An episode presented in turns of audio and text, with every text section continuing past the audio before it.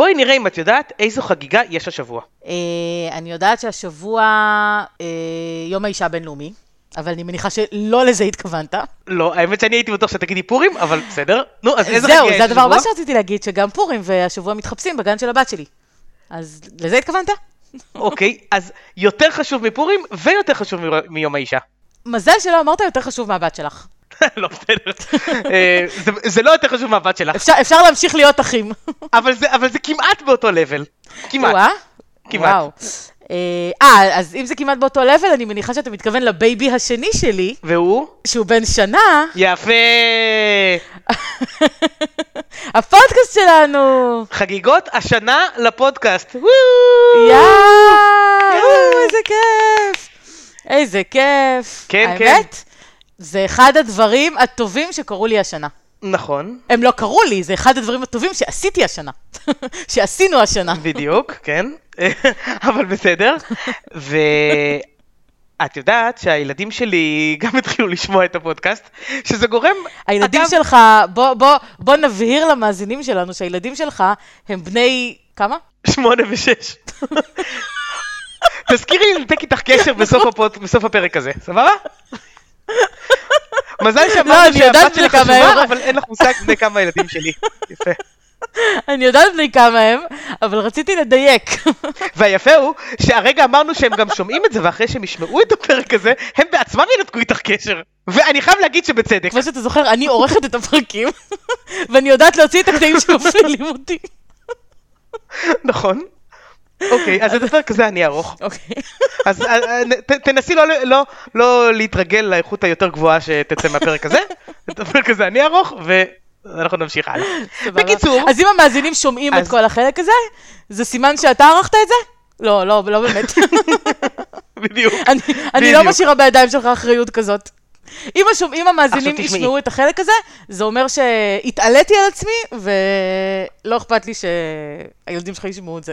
אז מה שקורה זה שהם באמת שומעים את הפרקים, והם מאוד מאוד נהנים מזה. אה, אמרתי לכם, כמו, כמו רוב המאזינים, הם מעבירים את החלקים שלך, הם מקשיבים רק לחלקים שלי. וכן, ו, והם שמעו את הפרק של פורים, ממש עכשיו לקראת פורים, והם הזכירו שאת עדיין חייבת לי משלוח מנות. אז אה, גם פורים הזה, אני מצפה שיופיע על שולחני משלוח מנות. בריא, טעים, יפה, צבעוני. סבבה, אתה מתכוון למגש פירות וירקות, כמו שדיברנו לפני שנה. סבבה, סבבה. איזה משלוח מנות שאת חושבת לנכון? אתה יודע שכמה חודשים אחרי הפרק הראשון הזה של פורים, שדיברנו על uh, משלוחי מנות, עם uh, לשים פירות חתוכים ודברים כאלה, אז כמה חודשים אחרי זה, פתאום גיליתי באחד האתרים שהפודקאסט שלנו מתפרסם בהם, שמישהי שאלה אחרי הפרק, איך אפשר לשים פירות חתוכים במשלוח מנות? כאילו, איך אפשר שזה יחזיק מעמד וזה? נכון, אני, נכון, ראיתי. זה, זה, זה קטע כי כל אחד משאיר תגובה במקום אחר, ומאוד קשה לתפוס את זה. אבל כן, אוקיי, ומה עשית? מה ענית? א', עניתי לה, קודם כל עניתי לה, למרות שזה היה כמה חודשים אחרי, אני מקווה שהיא ראתה את זה. אני מתנצלת בפני המאזינה הזאת, שזה לקח כל כך הרבה זמן, פשוט לא ראיתי. לפורים הזה. אבל uh, בהזדמנות זאת אולי כדאי להגיד למאזינים שרוצים לשאול אותי שאלות, כן. שהמייל זאת הדרך הכי טובה, או דרך האתר שלי, אני יודעת שהרוב עושים את זה גם ככה, כי אני מקבלת הרבה למייל ולאתר, אבל מי שעוד לא יודע, אז זאת הדרך הכי טובה, ואז אני בטוח רואה. אבל בכל מקרה, עניתי לה, שבדיוק כמו שעושים משלוחים של מגשים של פירות חתוכים, לכנסים, לישיבות, אה, אתה יודע, בחגיגות, ימי הולדת וכל מיני כאלה, אז אותו דבר, זה לא משהו שאמור להחזיק מעמד עכשיו שבועות. הרי גם הממתקים שאנחנו מקבלים במשלוח מנות לא מחזיקים מעמד שבועות, נכון? הרי גומרים את זה ביום-יומיים ש... של פורים. אז זה אותו דבר, פירות חתוכים, מחזיקים נכון. מעמד, יום, נכון. יומיים אם שמים במקרר, אין בעיה, וזהו. אז אה, זה בשביל כל המאזינים בתור אה, סגירת מעגל עם הפרק הראשון שלנו. אגב, אני אוהב ששואלים אותך בפייסבוק, כי אז א', אני רואה ואני משכיל מהשאלות, ואני לא נתון לזה שאת תספרי לי מחוסר הזמן שיש לך על השאלות, ו...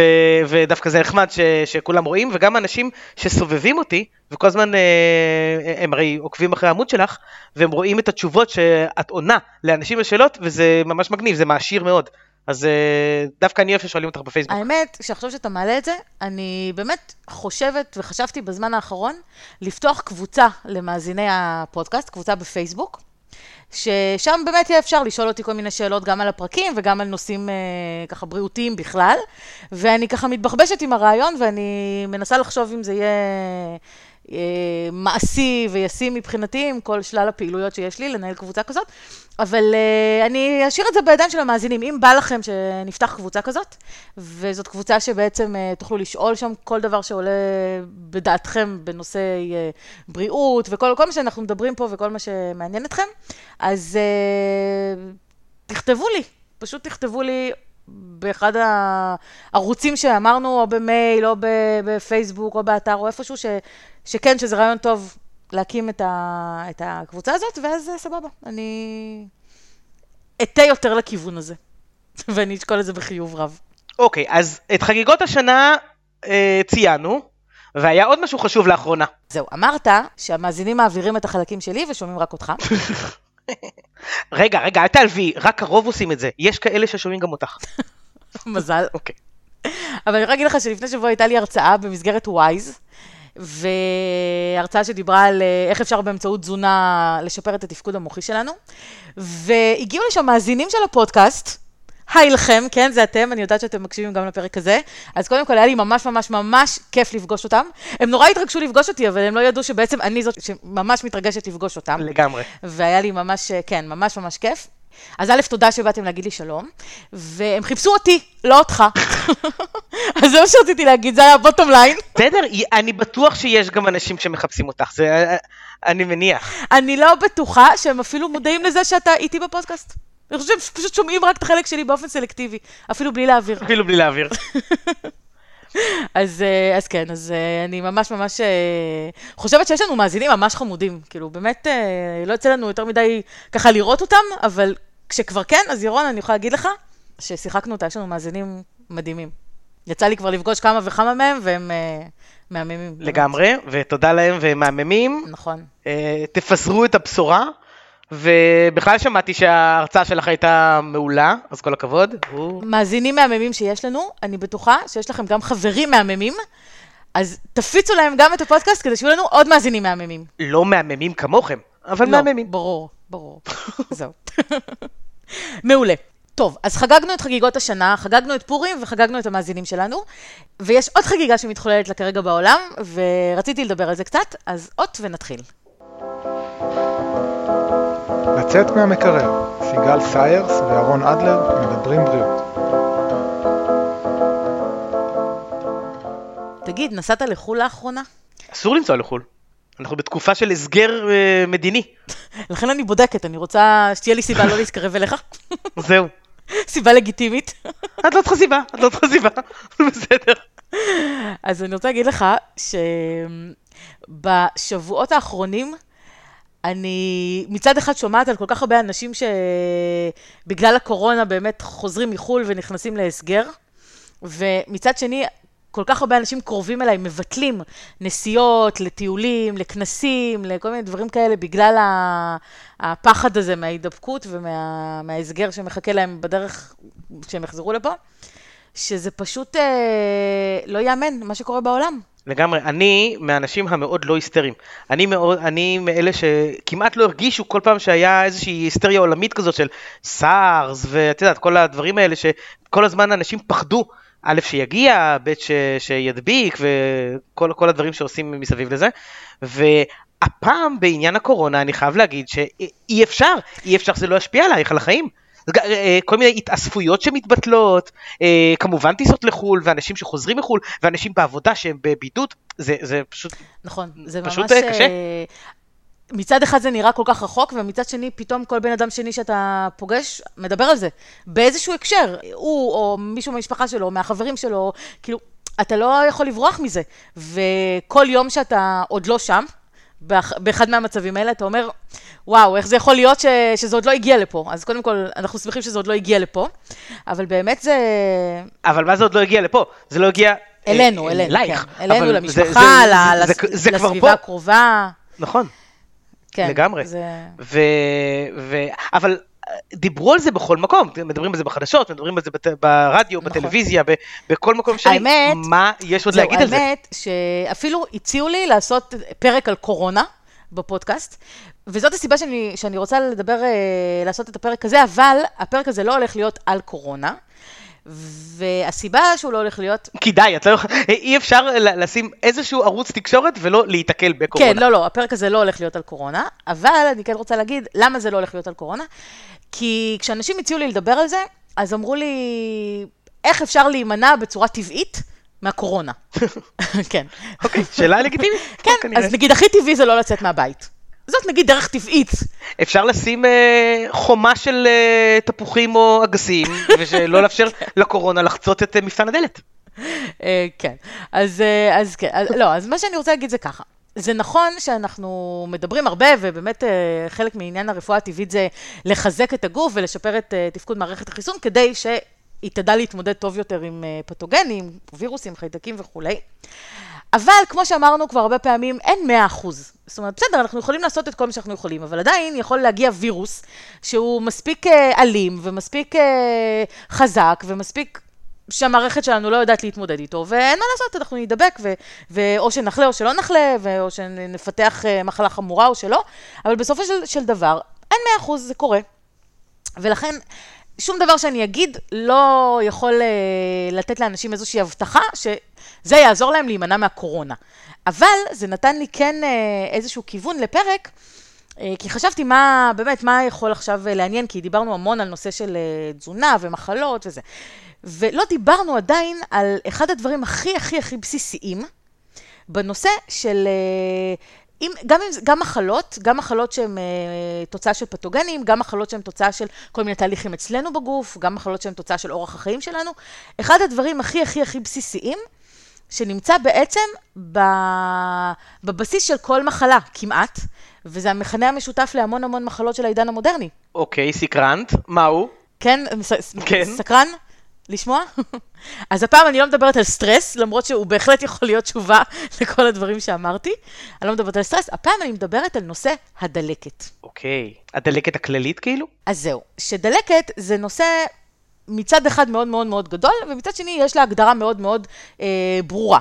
אוקיי? דלקת זאת בעצם תגובה של מערכת החיסון כלפי כל מיני דברים כמו פציעות, וזיהומים, וכל מיני גירויים. זה, דלקת יכולה להיות כתוצאה מחדירה של איזשהו פתוגן, אה, וירוס, חיידק וכולי, והיא יכולה גם להיות דלקת סטרילית, מה שנקרא, שהיא תוצאה של איזשהו תהליך שקורה בגוף, שיוצר איזשהו גירוי על רקמה מסוימת, על איבר מסוים, והמערכת החיסון מגיבה כדי להתמודד עם זה בצורה, ש... בצורה שהיא דלקת. אוקיי? אז יש כל מיני סוגים של דלקת.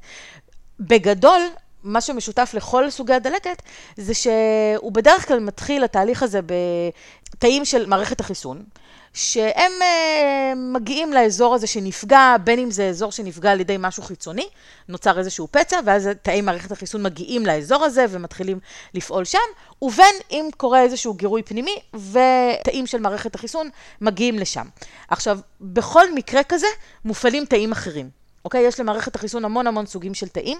תלוי באיזה סוג של תהליך קורה, לפי זה מופעלים תאים שונים. למשל, אם זה איזשהו זיהום, אז מופעלים תאי דם לבנים שמנסים לבלוע את הפתוגן ובעצם להרוג אותו, להשמיד אותו, ומפרישים כל מיני חומרים שקוראים, בעצם מושכים, זה נקרא כימוטקסיס, מושכים עוד תאים אה, אחרים לבנים לאותו מקום כדי לעזור שם במלחמה.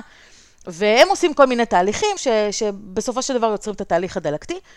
ואם זה איזשהו תהליכים אחרים, אז תאים אחרים מגיעים. בסופו של דבר נוצר לנו איזשהו תהליך דלקתי, שיש לו ארבעה סימנים אופייניים, שלדעתי כל מי שלומד ביולוגיה בכיתה ט' אמור לשנן אותם מתוך שינה. אתה יודע מה הם ארבעת סימני הדלקת? אין לי מושג. סבבה. אני יודע שבטח כאב זה אחד מהם. נכון, כאב זה אחד מהם.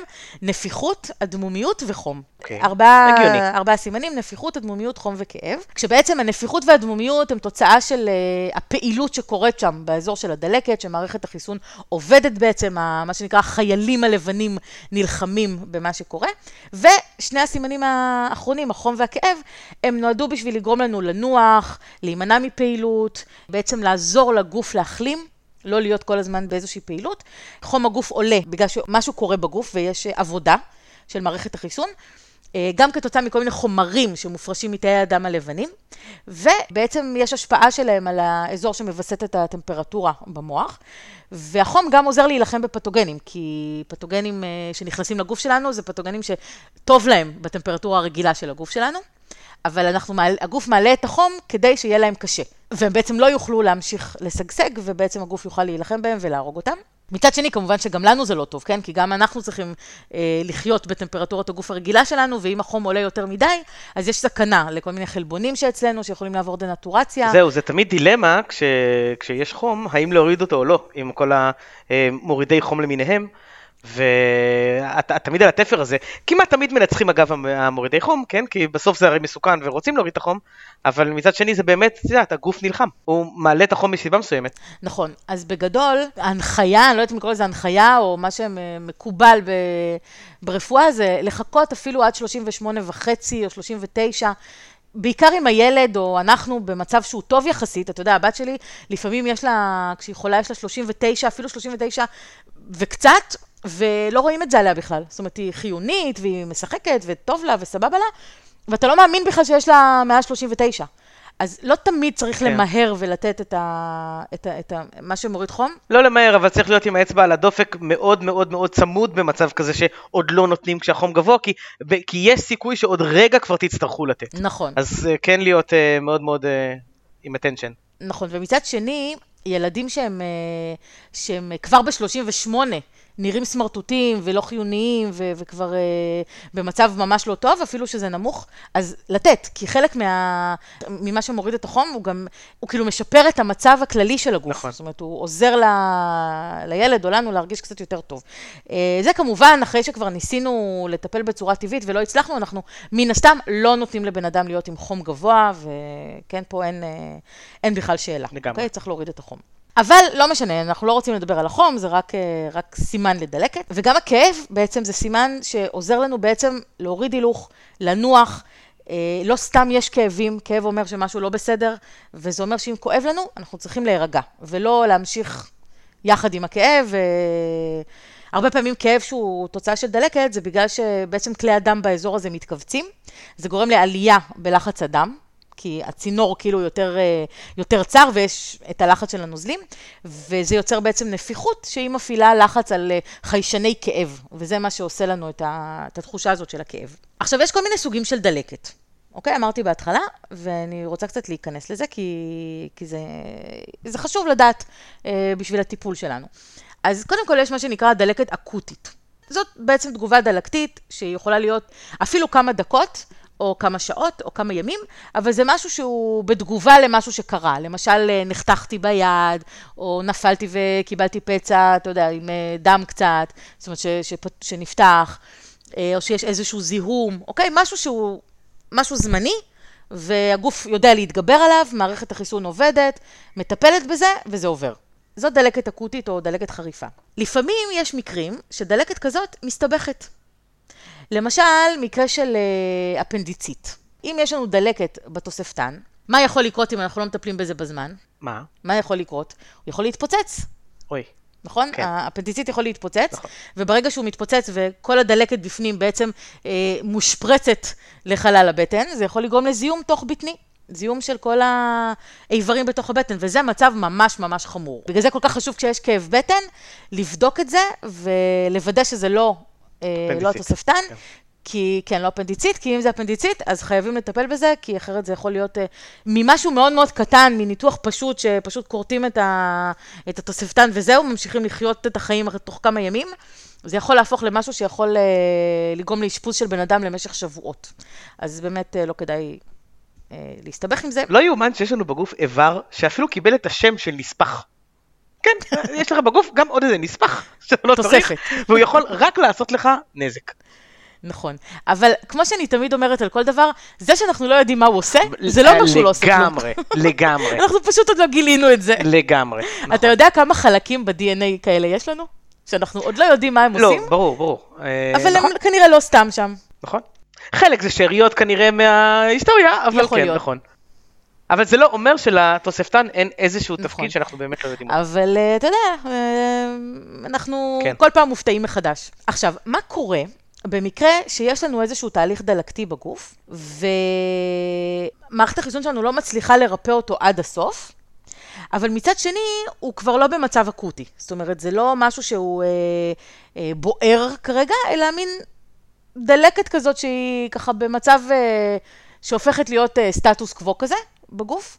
זה נקרא דלקת כרונית. ודלקת כרונית זה בעצם אה, איזשהו איזון בין שני תהליכים שקורים לנו בגוף. יש לנו את התהליך הדלקתי, שדיברנו עליו, ויש לנו מנגד את התהליך האנטי-דלקתי.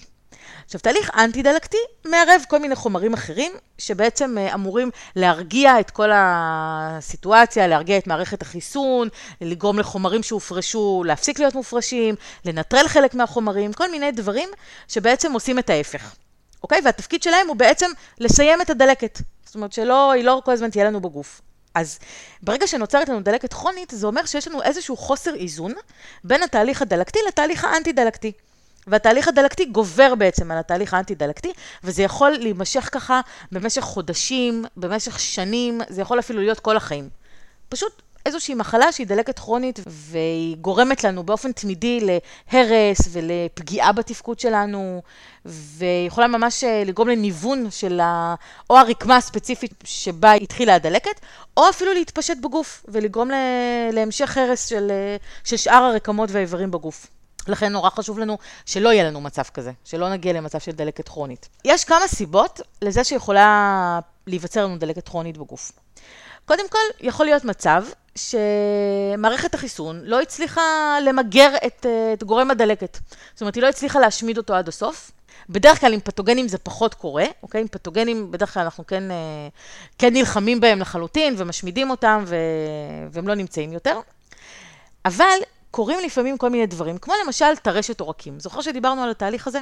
שיש שקיעה של, כן. uh, של LDL, הכולסטרול הרע, בדפנות של כלי הדם, ולאט לאט מגיעים לשם כל מיני רדיקלים חופשיים שנכנסים לשם, ואז נכנסים לשם כל מיני תאים של מערכת החיסון, וזה ככה הולך ונבנה והופך להיות מין פלק תרשתי כזה, שלאט לאט מצמצם את הקוטר של כלי הדם.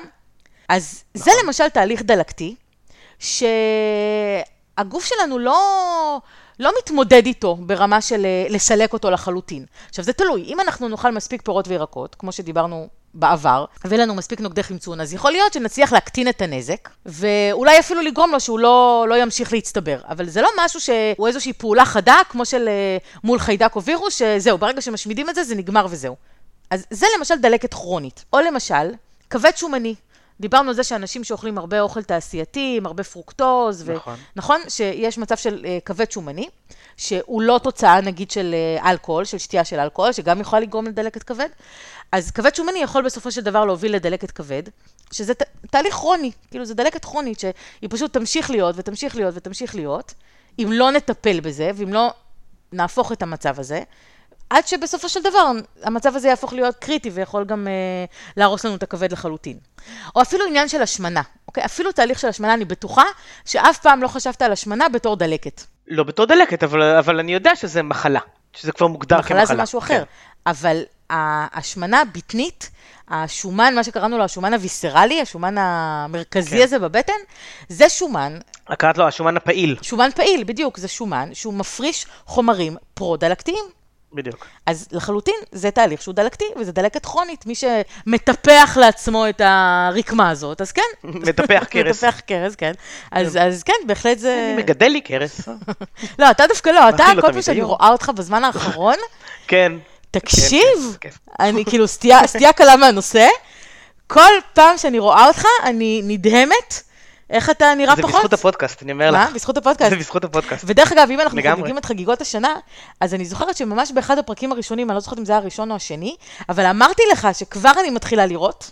נכון. ובמשך כל השנה אתה התמדת, ואתה מראה תוצאות מאוד יפות, אני גאה בך. ואני ממשיך, כן. ואתה ממשיך, מרסי, כן. מרסי, מרסי. כן, בהחלט יפה. אוקיי, okay, עכשיו, עוד תהליך ש... שיכול אה, לתרום להיווצרות הדלקת הכרונית, זה כל מיני תהליכים שיש לנו שהם אה, או אוטואימונים, שהגוף בעצם תוקף את עצמו, נכון? מערכת החיסון מזהה אה, חלבונים של הגוף שלנו בתור חלבונים שהם גורם זר בעצם, שזה לא אמור להיות, נכון? מערכת החיסון שלנו אמורה לזהות רק חלבונים חיצוניים בתור גורמים זרים ולהילחם נגדם, אבל במקרה הזה יש איזשהו ויסות לא נכון, איזשהו חוסר איזון, ומערכת החיסון שלנו מזהה את החלבונים שלנו בתור גורם זר, ומפתחת תגובה דלקתית נגדם. וזה עושה, לה, עושה לנו המון בעיות. זה יכול להיות למשל במצב של uh, יתר פעילות של בלוטת התריס. זה מצב שהרבה פעמים פשוט מתפתחים נוגדנים כנגד uh, בלוטת התריס, וזה יכול לגרום שם אה, דלקת מאוד מאוד רצינית. ותהליכים אלרגיים, שזה, אלרגיה אנחנו יודעים שזו תגובה מוגזמת של מערכת החיסון, ש, שבאמת התגובה היא לכל מיני גורמים חיצוניים, כל מיני אלרגנים, אבל זו תגובה שהיא לא אמורה להיות כל כך חזקה, כי בעצם זה לא דברים שמאיימים עלינו, למשל אבק או אבקנים. או כל מיני דברים כאלה שאנשים אלרגיים אליהם, זה לא איומים, אוקיי? זה לא פתוגן שיכול לגרום למחלה. אבל מערכת החיסון מזהה אותו ומגיבה בצורה מוגזמת, וזה מה שיוצר לנו את התהליך האלרגי. נכון.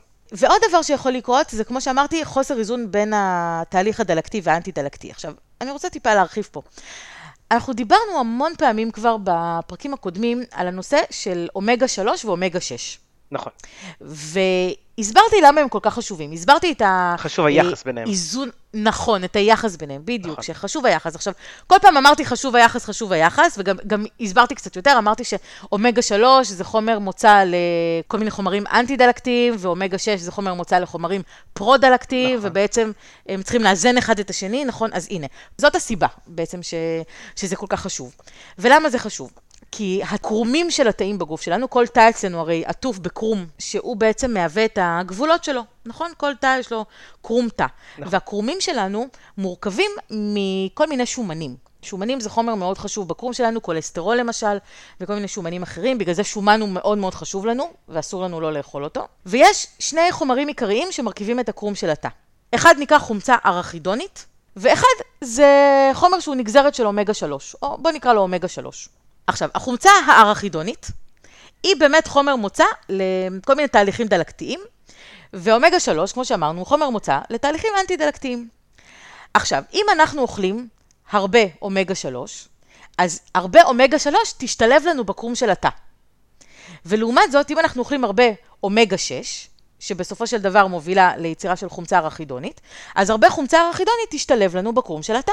במצב של דלקת, הרבה פעמים התאים שלנו מתפרקים, והקרומים מתפרקים. עכשיו, ברגע שהקרומים האלה מתפרקים, שני החומרים האלה יוצאים החוצה.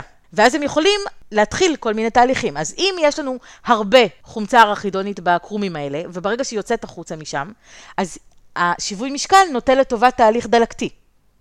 לעומת זאת, אם יש לנו הרבה אומגה 3 בקרום של התא והוא יוצא החוצה, אז יש לנו נטייה יותר לכיוון תהליכים אנטי-דלקתיים. אתה מבין את ה... כן. איך זה עובד העניין הזה? כן. יופי.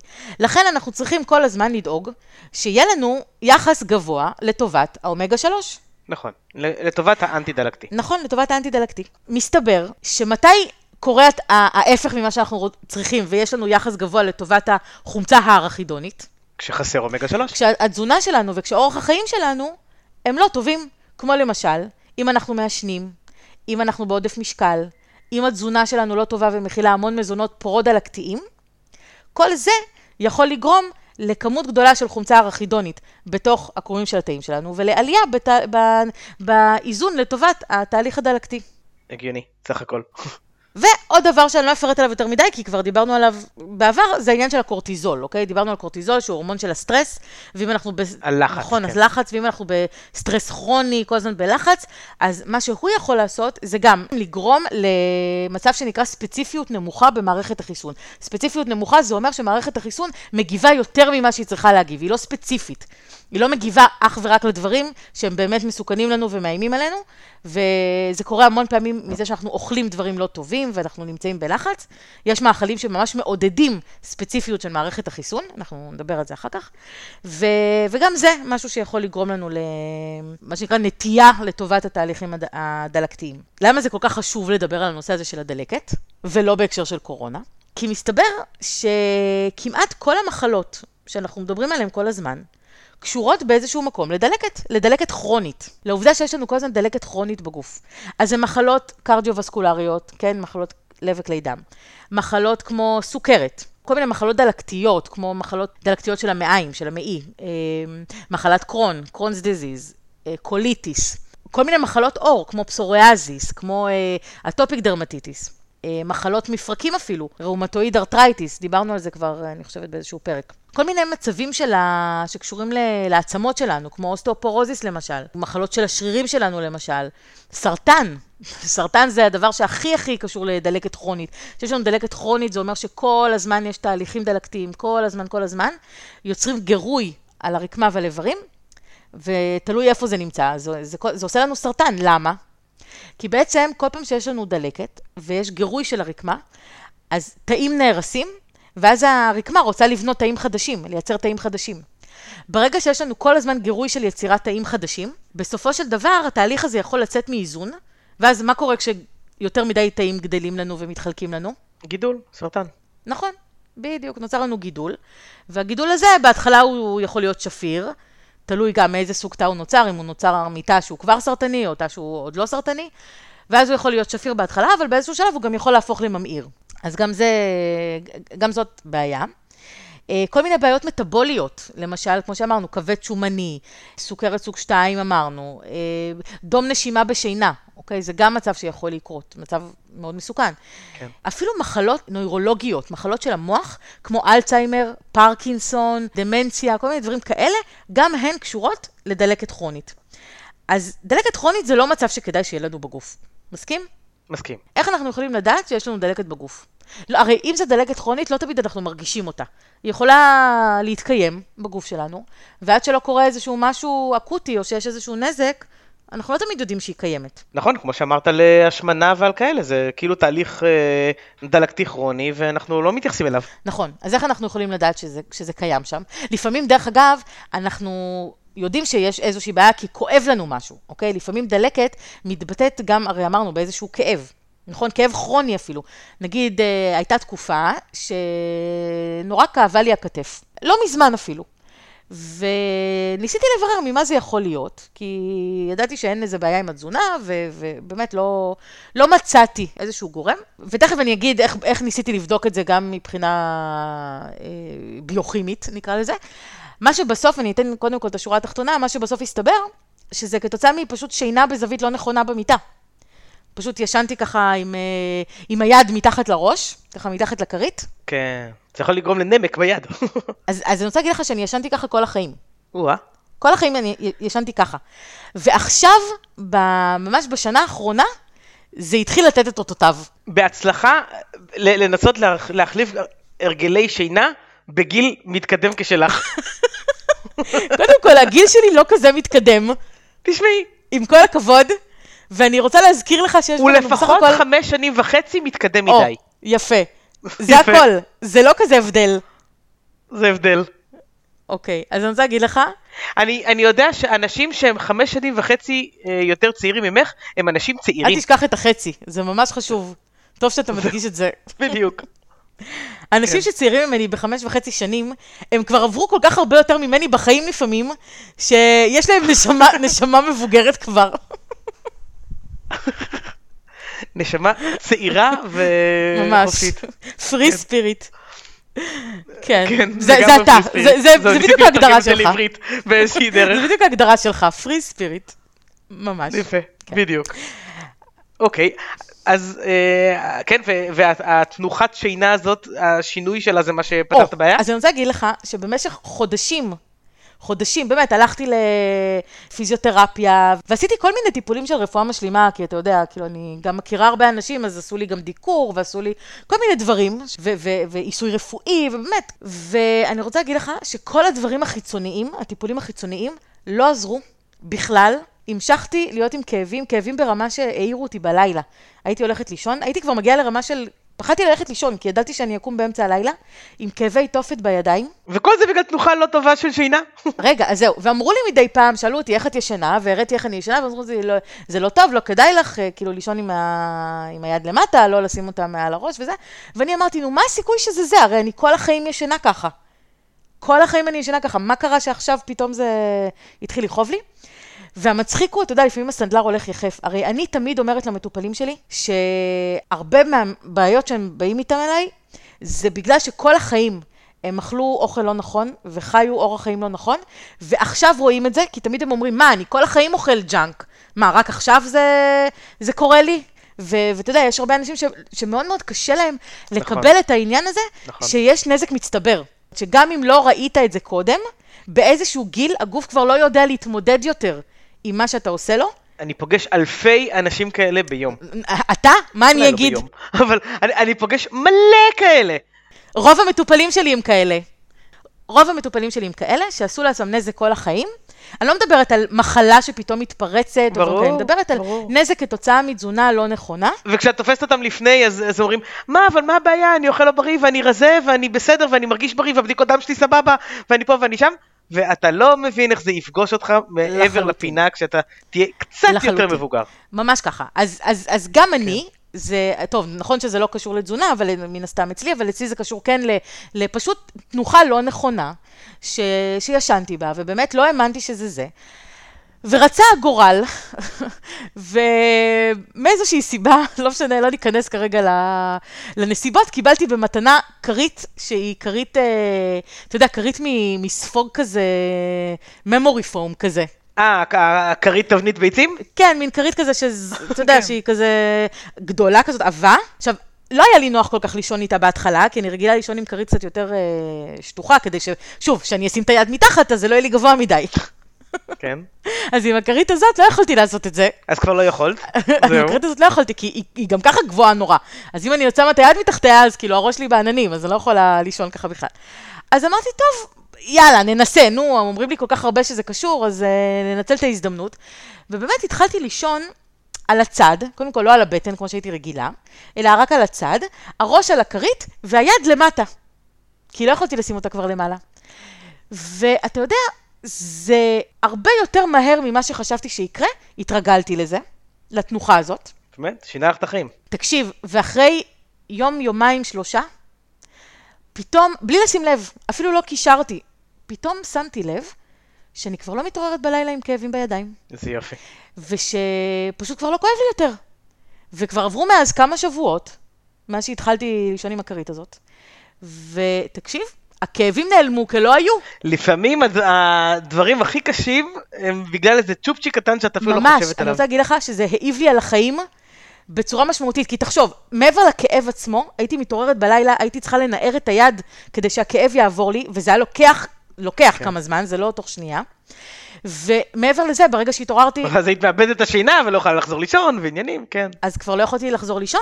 כאילו, לא יכולתי, כבר, כבר התעוררתי, וכבר כאב לי, אתה יודע, זה מעיר אותך, זה לא, אתה לא מתעורר לשנייה וחוזר לישון, זה כבר, אתה, זה כמה זמן ער, אז כבר זה, אתה יודע, לצאת החוצה, כבר מול הטלוויזיה, עוד שעתיים עוברות, עוד זה, עד שעוד פעם הייתי נרדמת. זה, בקיצור, זה העיב לי לחלוטין על איכות החיים, וברגע שעשיתי את השינוי הקטן הזה, תקשיב, אני חזרתי לישון לילות שלמים, לא כואב לי, זה פשוט, אה, קיבלתי את חיי בחזרה.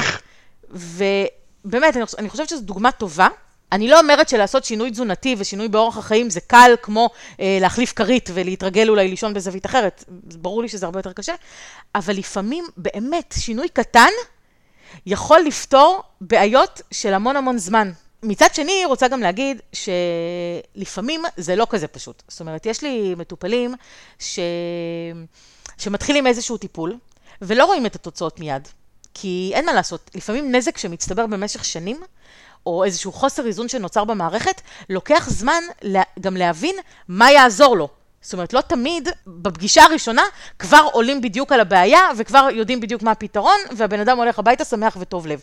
לפעמים זה דורש קצת זמן, לפעמים זה דורש לעשות משהו, לראות אם זה עובד, לא עובד, לחזור עוד פעם, לעשות משהו אחר, כי אין מה לעשות, הגוף שלנו זה לא מתמטיקה.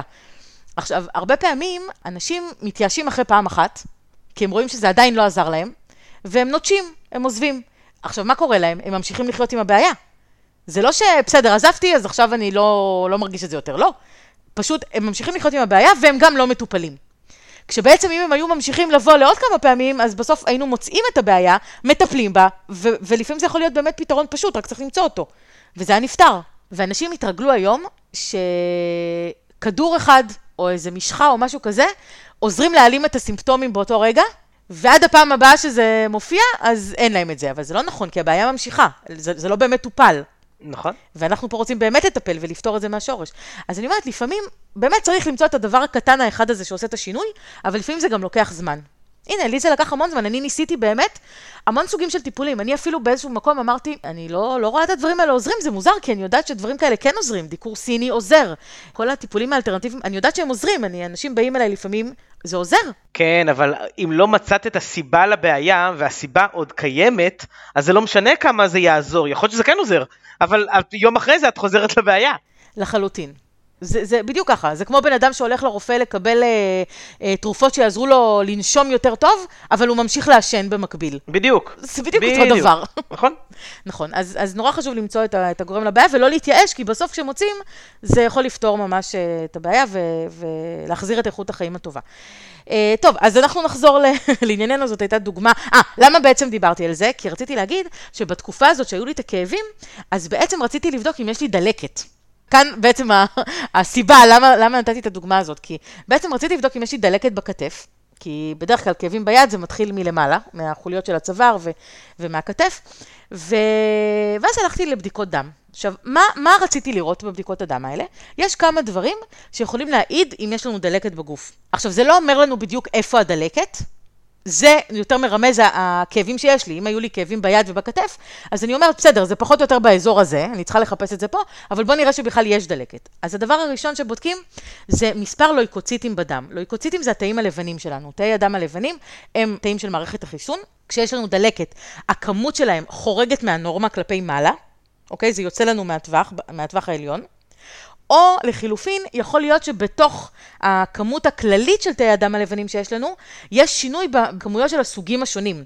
אתה בטח אה, ראית כבר כמה פעמים שכשנותנים לנו, עושים לנו ספירת דם, בעצם סופרים את הסוגים השונים של התאים, ואומרים לך, אה, נויטרופילים יש ככה וככה, נכון. אאוזינופילים יש ככה וככה, בזופילים יש ככה וככה. יש כל מיני סוגים של תאי דם לבנים, ואנחנו יודעים לזהות לפי איזה סוג תא יש לנו יותר פתאום, איזה סוג דלקת יש לנו, או, או איזה סוג, אה, אה, לפעמים זה פתוגן שנכנס באמת, אז איזה סוג פתוגן. יש תאים שעולים כשיש חיידקים, יש תאים שעולים כשיש וירוסים, יש תאים שעולים כשיש פרזיטים, יש כל מיני תאים לפי סוג, ה, סוג הדלקת. נגיד בדלקת שח, שהיא חיידקית, אז כמות הנויטרופילים עולה, בדלקת ויראלית כמות הלימפוציטים עולה, זה תלוי. אז קודם כל רציתי לראות את זה, וראיתי. שמספר הלויקוציטים בדם לא עלה, אז ידעתי שאין פה איזה עניין של פתוגן, אוקיי? זה משהו, משהו פנימי, דלקת סטרילית, מה שנקרא, זה לא קשור למשהו חיצוני. אוקיי. עכשיו, עוד דבר שאפשר לראות, זה את רמת התסיות בדם. תסיות זה, ה... זה בעצם אה, תאים ושברי תאים, ש... שבעצם המטרה שלהם היא לעזור לדם להיקרש. הם מגיעים לאזור של הדלקת, אם יש פצע או משהו כזה, או, או הרקמה נפגעה מבפנים, ומגיעים לשם כדי לעזור לאחות את הרקמה הפגועה. אז בודקים בדם אם רמת התסיות עלתה. עוד בדיקה ש, שעושים, זו בדיקה שנקראת ESR. ESR זה בעצם שקיעת דם. זה משהו שהוא גם, הוא לא ספציפי, זה לא אומר לנו איפה יש דלקת, אבל ברגע שרואים uh, עלייה שלו, אז אנחנו יודעים שיש דלקת למה. כי ברגע שיש דלקת, אז יש לנו כל מיני מרכיבים בדם, כמו נוגדנים, תסיות, כמו שאמרנו, חלקי פתוגנים, כל מיני דברים שבעצם גורמים לנו, גם, גורמים גם ל, ל, לדם להיות יותר כבד, וגם גורמים להצמתה, זה נקרא, או היצמדות של תאי הדם האדומים במבחנה.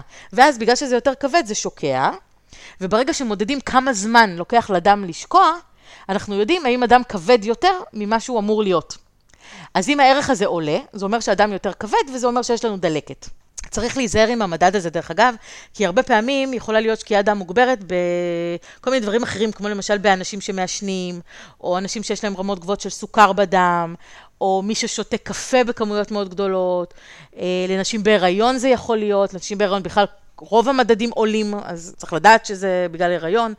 אוקיי? אז צריך לשים לב, אם רק זה עולה, אבל שאר המדדים של הדלקת לא עולים, שנדע ש, שזה לא קשור לדלקת, אוקיי? שזה בגלל איזשהו מצב ספציפי. לא רוצה שאנשים יתחילו פתאום לראות לי מדדי ESR גבוהים בדם ולחשוב שבוודאות יש להם דלקת, אז שוב, צריך שמישהו מקצועי יסתכל על כל התמונה ו... ויבין מה קורה שם. ועוד מדד זה רמת הפריטין בדם. פריטין זה בעצם מאגר הברזל שלנו בתוך התאים. זה חלבון שהוא אוגר לנו את הברזל בתא ומשחרר אותו ככה לאט לאט כשצריך אותו. ואנחנו יכולים לדעת לפי רמת הפריטין אם יש לנו עודף או חוסר של ברזל בדם. כשיש לנו עודף של ברזל אה, בדם, הרמה שלו בעצם עולה, כי אנחנו צריכים יותר בשביל לאגור את הברזל, וכשחסר לנו ברזל בדם, אז הרמה שלו יורדת, כי בעצם אין לנו מספיק במאגר. איך הוא עוזר לנו בעצם לדעת אם יש לנו דלקת? כי במצבי דלקת, וגם בסרטן, הרמה שלו חורגת מהנורמה, בלי קשר לרמת הברזל. אוקיי? למה? כי בעצם הרקמה נפגעת, ואז כל הפריטין נשפך לדם. ואז פתאום יש לנו הרבה, הרבה פריטין בדם. אז אם אנחנו רואים משהו כמו גם הרבה פריטין, אבל גם הרבה ברזל בדם, אז אנחנו צריכים לשים לב, לבדוק את זה. למה, למה זה ככה? שוב, לא להיבהל אם אתם רואים בדיקות כאלה, זה לא אומר, לא בוודאות חייב להגיד משהו קיצוני, פשוט צריך לראות את כל התמונה ולהבין למה זה קורה. והדבר האחרון זה דבר שכבר דיברנו עליו בפרק של בדיקות הדם, בדיקות מעבדה, שזה מה שנקרא CRP, כן. שזה חלבון. שאם מסתכלים באינטרנט, זה אומר מדד הדלקת. מה, הסתכלת עכשיו באינטרנט? אתה בודק אותי? אתה בודק אם מה שאני אומרת הוא נכון? לא עכשיו. רגע, רגע! לא, אני פשוט זוכר, זה, מבין כל הדברים שאמרת, את זה אני זוכר. כי uh, כשאני הייתי מסתכל על הבדיקות דם שלי, אז הייתי מסתכל על כל סעיף מה זה. ועל ה-CRP, אז היה כתוב פשוט מדד דלקת. נכון, כי זה משהו. והיית יודע שכשהוא גבוה, אז יש לך דלקת, כשהוא נמוך, אז אין לך דלקת. כזה. עכשיו, הסיבה שהוא עולה במצבים של דלקת, זה שהרבה פעמים יש גירוי של תאי הכבד לייצר הרבה חלבונים, וביניהם ה-CRP. ואז אנחנו יודעים ברגע שהוא עולה, ש, שמשהו קורה שם. אז איך כל הנושא הזה של הדלקת קשור לאוכל, שזאת המטרה של הפודקאסט שלנו? אז מסתבר שיש קשר בין סוג התזונה שאנחנו אוכלים לבין דלקות כרוניות. ואם אנחנו נאכל את הדברים הנכונים, אנחנו יכולים למנוע בעצם שכיחות של אה, גם דלקות כרוניות וגם דלקות זיהומיות. למה? כי בעצם אנחנו יכולים לשפר את התפקוד של מערכת החיסון שלנו, על ידי זה שאנחנו נאכל יותר מזונות שהם אנטי-דלקתיים, מאשר מזונות פרו-דלקתיים, ועל ידי שנאכל יותר מזונות שמעודדים ספציפיות חיסונית. אז מסתבר שיש כל מיני דברים שכדאי לנו או להימנע מהם או לצרוך אותם, כדי שמערכת החיסון שלנו תדע לפעול טוב יותר ושלא תהיה לנו דלקת. למשל, אם אנחנו אוכלים יותר מדי מזונות שיש להם אינדקס גליקמי גבוה, אינדקס גליקמי, אני מזכירה, שזה בעצם כמה מהר הפחמימות שאנחנו אוכלים מעלות את רמת הסוכר בדם בהשוואה לגלוקוז.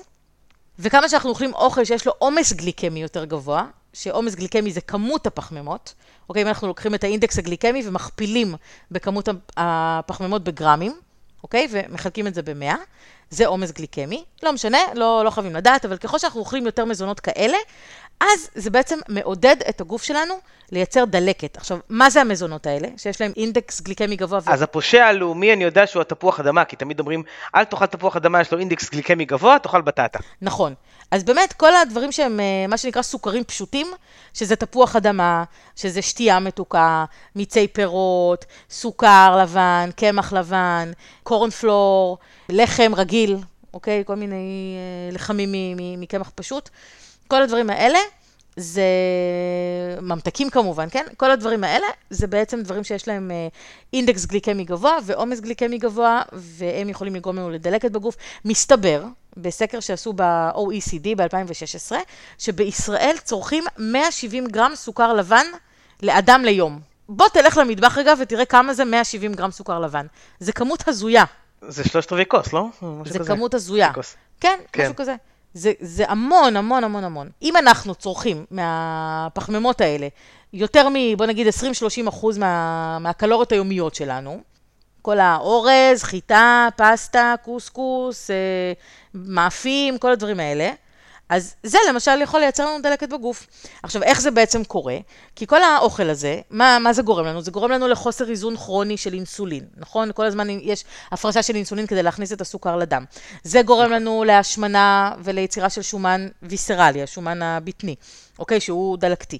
אה, זה גורם לנו לתנגודת לאינסולין ורמות גבוהות של סוכר בדם. זה גורם לנו לשקיעה של כולסטרול מסוג LDL ויצירה של מה שקראנו לזה אז אייג', נכון? זה כל החומרים האלה שהם אה, חומרי הגליקציה, תוצרי הגליקציה, שסוכר מצלב חלבונים, נכון? והורס את הפעילות שלהם. בקיצור, כל הדברים האלה, זה, אלה הסיבות שיכולות אה, לגרום לנו לדלקת. ויש עוד המון המון מאכלים שיכולים לעשות את הדבר הזה, כמו למשל צריכה של מזון שיכול לגרום לנו ליצירה של רדיקלים חופשיים, אוקיי? רדיקלים חופשיים זה עוד אחד מהדברים שפשוט הורס לנו איברים בגוף, וברגע שזה הורס לנו איברים ורקמות, אז בעצם מתפתח שם תהליך דלקתי. אז למשל אוכל מטוגן, כל השניצל, צ'יפס, אה, כל הדברים שמטוגנים בשמן עמוק.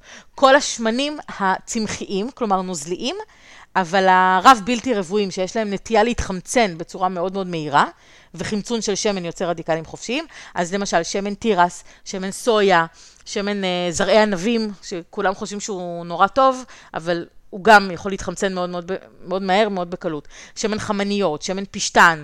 שוב, שמן פשטן, יש בו המון אומגה 3, אבל כמו שאמרנו, הוא טוב בערך בשנייה ש... שהפיקו אותו. כן. פתחו אותו, זה, זה התחמצן. בדיוק, אחרי זה זה כבר הכל מחומצן ואין מה להשתמש בו. אפילו אנשים שלוקחים תוספי אומגה 3, שמגיעים בבקבוק שהוא נוזל פתוח, ולא בקפסולות סגורות, אז גם שם, אומגה 3 זה משהו שמתחמצן מהר, וברגע שאנחנו פותחים את הבקבוק ונכנס אוויר, אז זהו, כאילו, אחרי פעם, פעמיים זה כבר לא שווה שום דבר. אז כל הדברים האלה, זה דברים שהם יכולים להעלות לנו את כמות הרדיקלים החופשיים, ולגרום לנו לדלקת. גם אוכל אה, שעושים על האש למשל. אוכל, אתה יודע, על האש כזה, מזון מעושן, אוכל אה, שרוף, פיצוחים, שזה כל הדברים שכולים אותם ומחמצנים את חומצות השומן בפנים. כל הדברים האלה, ממש ממש לא כדאי, זה הכל נקרא מזונות פרו-חמצוניים. מזונות שבעצם... את רוצה להגיד אחת ולתמיד מה זה אומר שמשהו התחמצן? כאילו, אני, אני מבין שזה הורס את מה שיש בו, אני מבין את התוצאה, אני לא מבין את התהליך, מה, מה זה התחמצן? אני מניח שזה, שזה יציאה מהנושא של הדלקת, אבל, אבל על כל דבר, במיוחד הדברים שעכשיו דיברת עליהם, הבעיה בהם זה שהם מתחמצנים. אבל מה זה מתחמצן? למשל, חומצת שומן שהיא רב בלתי רוויה, זה אומר שיש לה המון קשרים כפולים בתוך המולקולה. בגלל זה היא בלתי רוויה, היא לא רוויה במימנים, כי יש לה קשרים כפולים. לא כל הקשרים אצלה קשורים לאטום של מימן.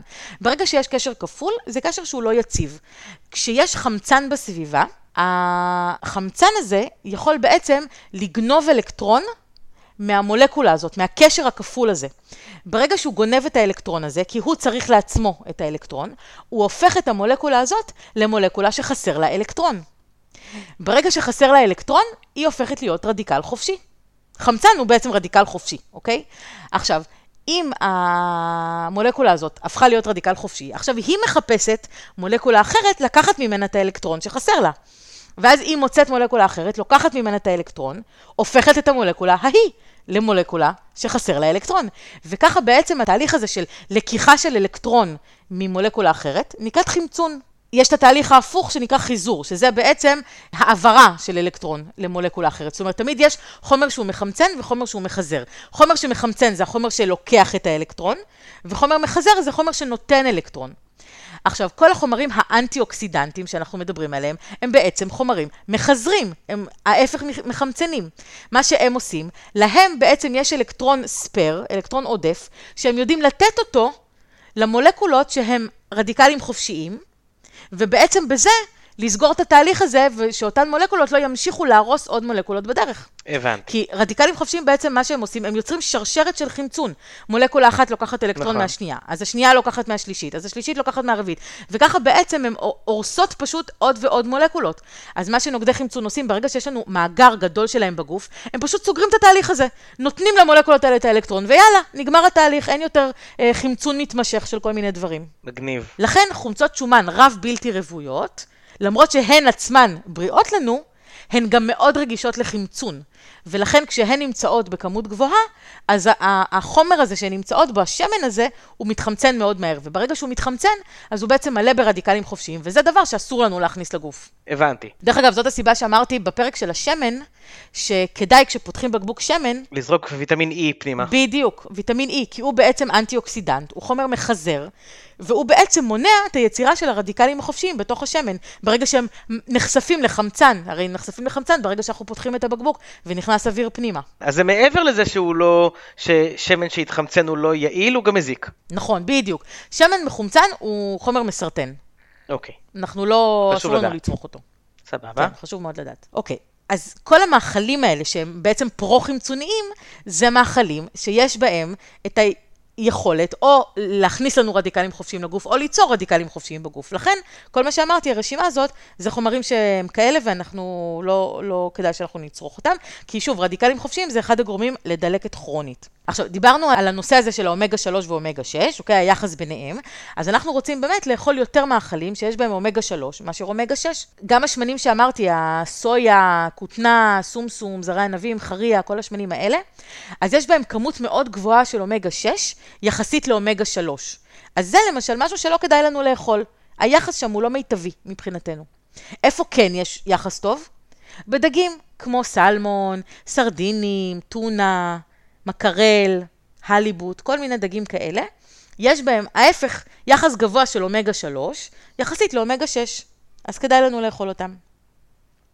עכשיו, יש עוד סוג מזון שנקרא מזון אולטרה מעובד, שזה מזון שמכיל כמות מאוד מאוד גדולה של אה, או אחד מהדברים האלה, או שילוב של הדברים האלה, שזה סוכר, או סירופ תירס עתיר פרוקטוז, שכבר דיברנו עליו, או שומן, או אה, אומגה 6, או שומן טראנס, אוקיי? כשכל החטיפים והדברים המעובדים, אה, חומרים משמרים, כמות גדולה.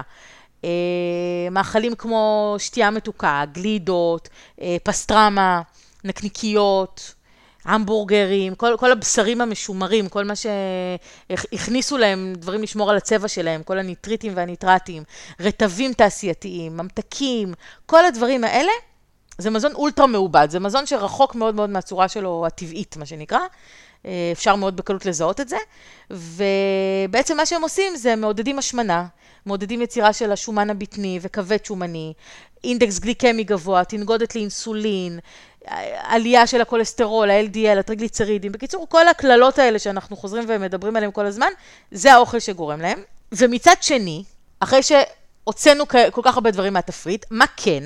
אנחנו רוצים משהו שבעצם יעזור לנו למלא את המאגרים של, ה... של נוגדי החמצון, של האנטי-אוקסידנטים. אז איפה יש לנו את הדברים האלה?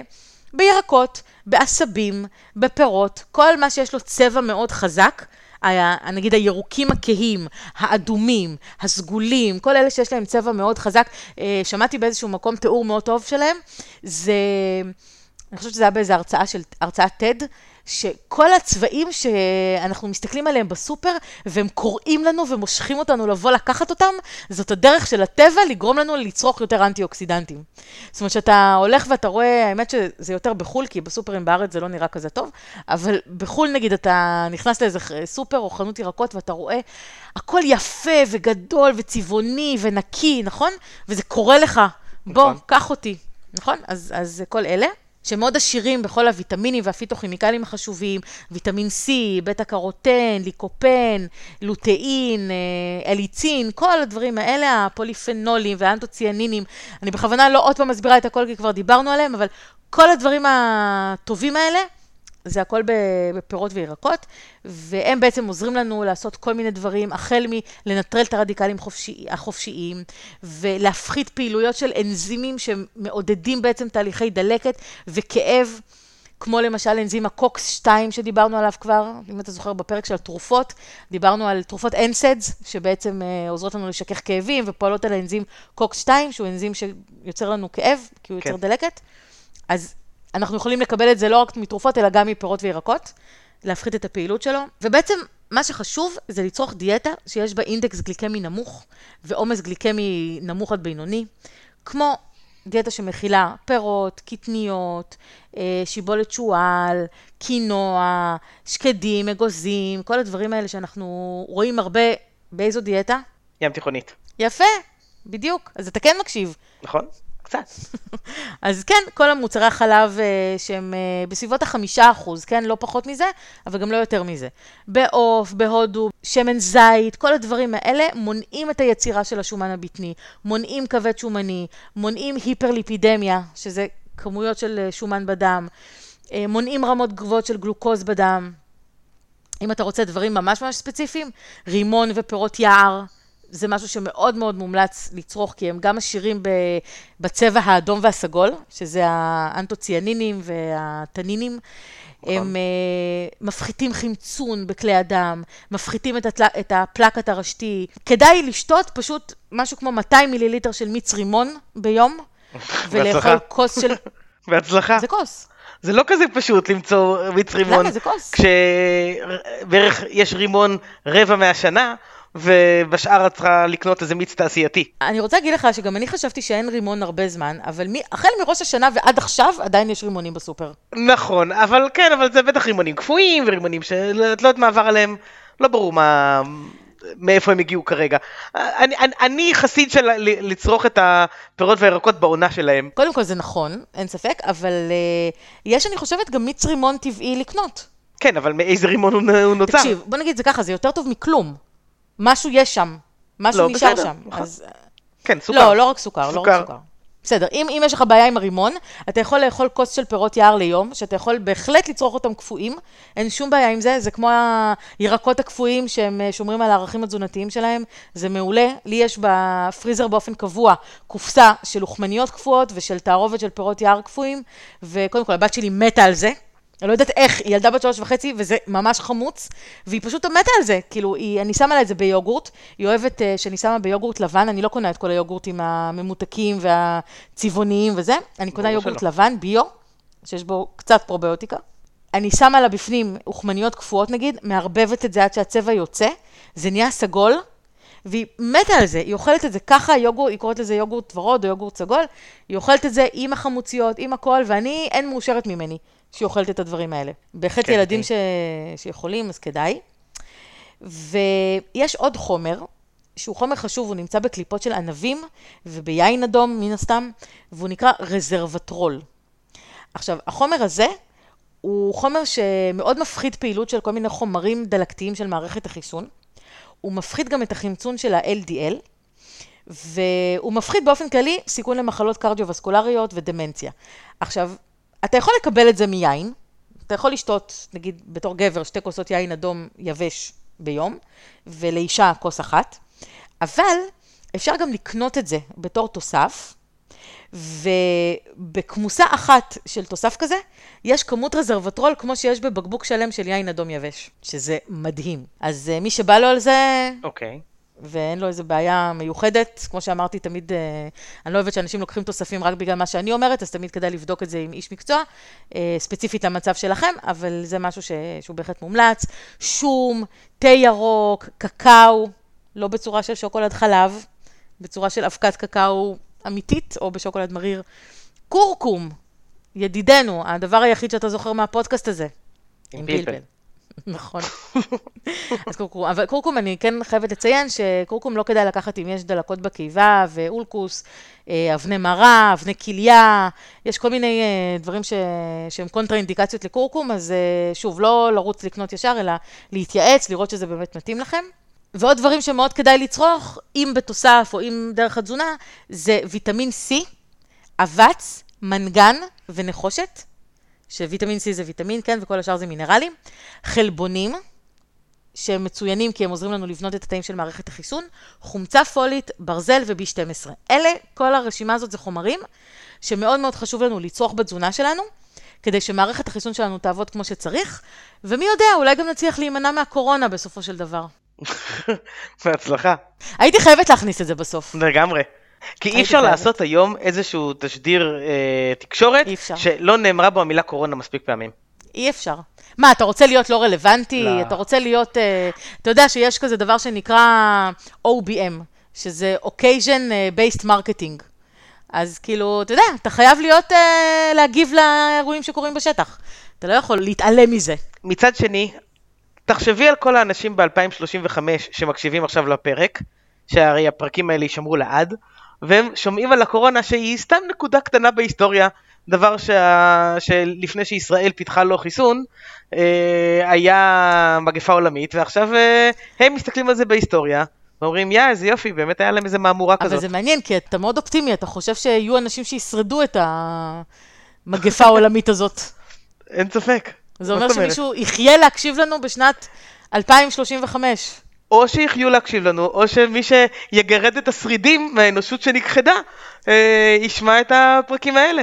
יש מצב. אז בעצם מה שאנחנו עושים פה זה תיעוד היסטורי בפודקאסט הזה. נכון, נכון, וואי, ממש עבודת קודש. לגמרי. אני מרגישה חשובה מתמיד. הדרך הכי מתמיד. טובה לציין את חגיגות השנה. נכון, טוב, אז עד שנה הבאה, אז מזל טוב, ושיהיו עוד אלפי פרקים, אלפי. ועד שנה הבאה. אה, סבבה, ואני מזמינה בנקודה הזאת את המאזינים שלנו לשלוח עוד נושאים שהם רוצים. אני יודעת שיש כמה מאזינים ששלחו לי כבר כמה נושאים ואנחנו עוד לא הגענו אליהם, אבל אנחנו נגיע אליהם. אנחנו בהחלט אה, זה, אבל תשלחו לנו עוד נושאים, אנחנו אה, רוצים שיהיה לנו מאגר של נושאים שמעניינים אתכם, שאנחנו נוכל לעשות להם פרקים, ולדעת שזה כיף לכם לשמוע. אז עד הפעם הבאה. עד הפעם הבאה, בריאות שלמה לכולנו. יאללה ביי. ביי. אין באמור בפרק משום ייעוץ או המלצה רפואית כלשהם, והמידע אינו בא להחליף בדיקה וייעוץ אישי על ידי רופא, מטפל מוסמך או טיפול תרופתי.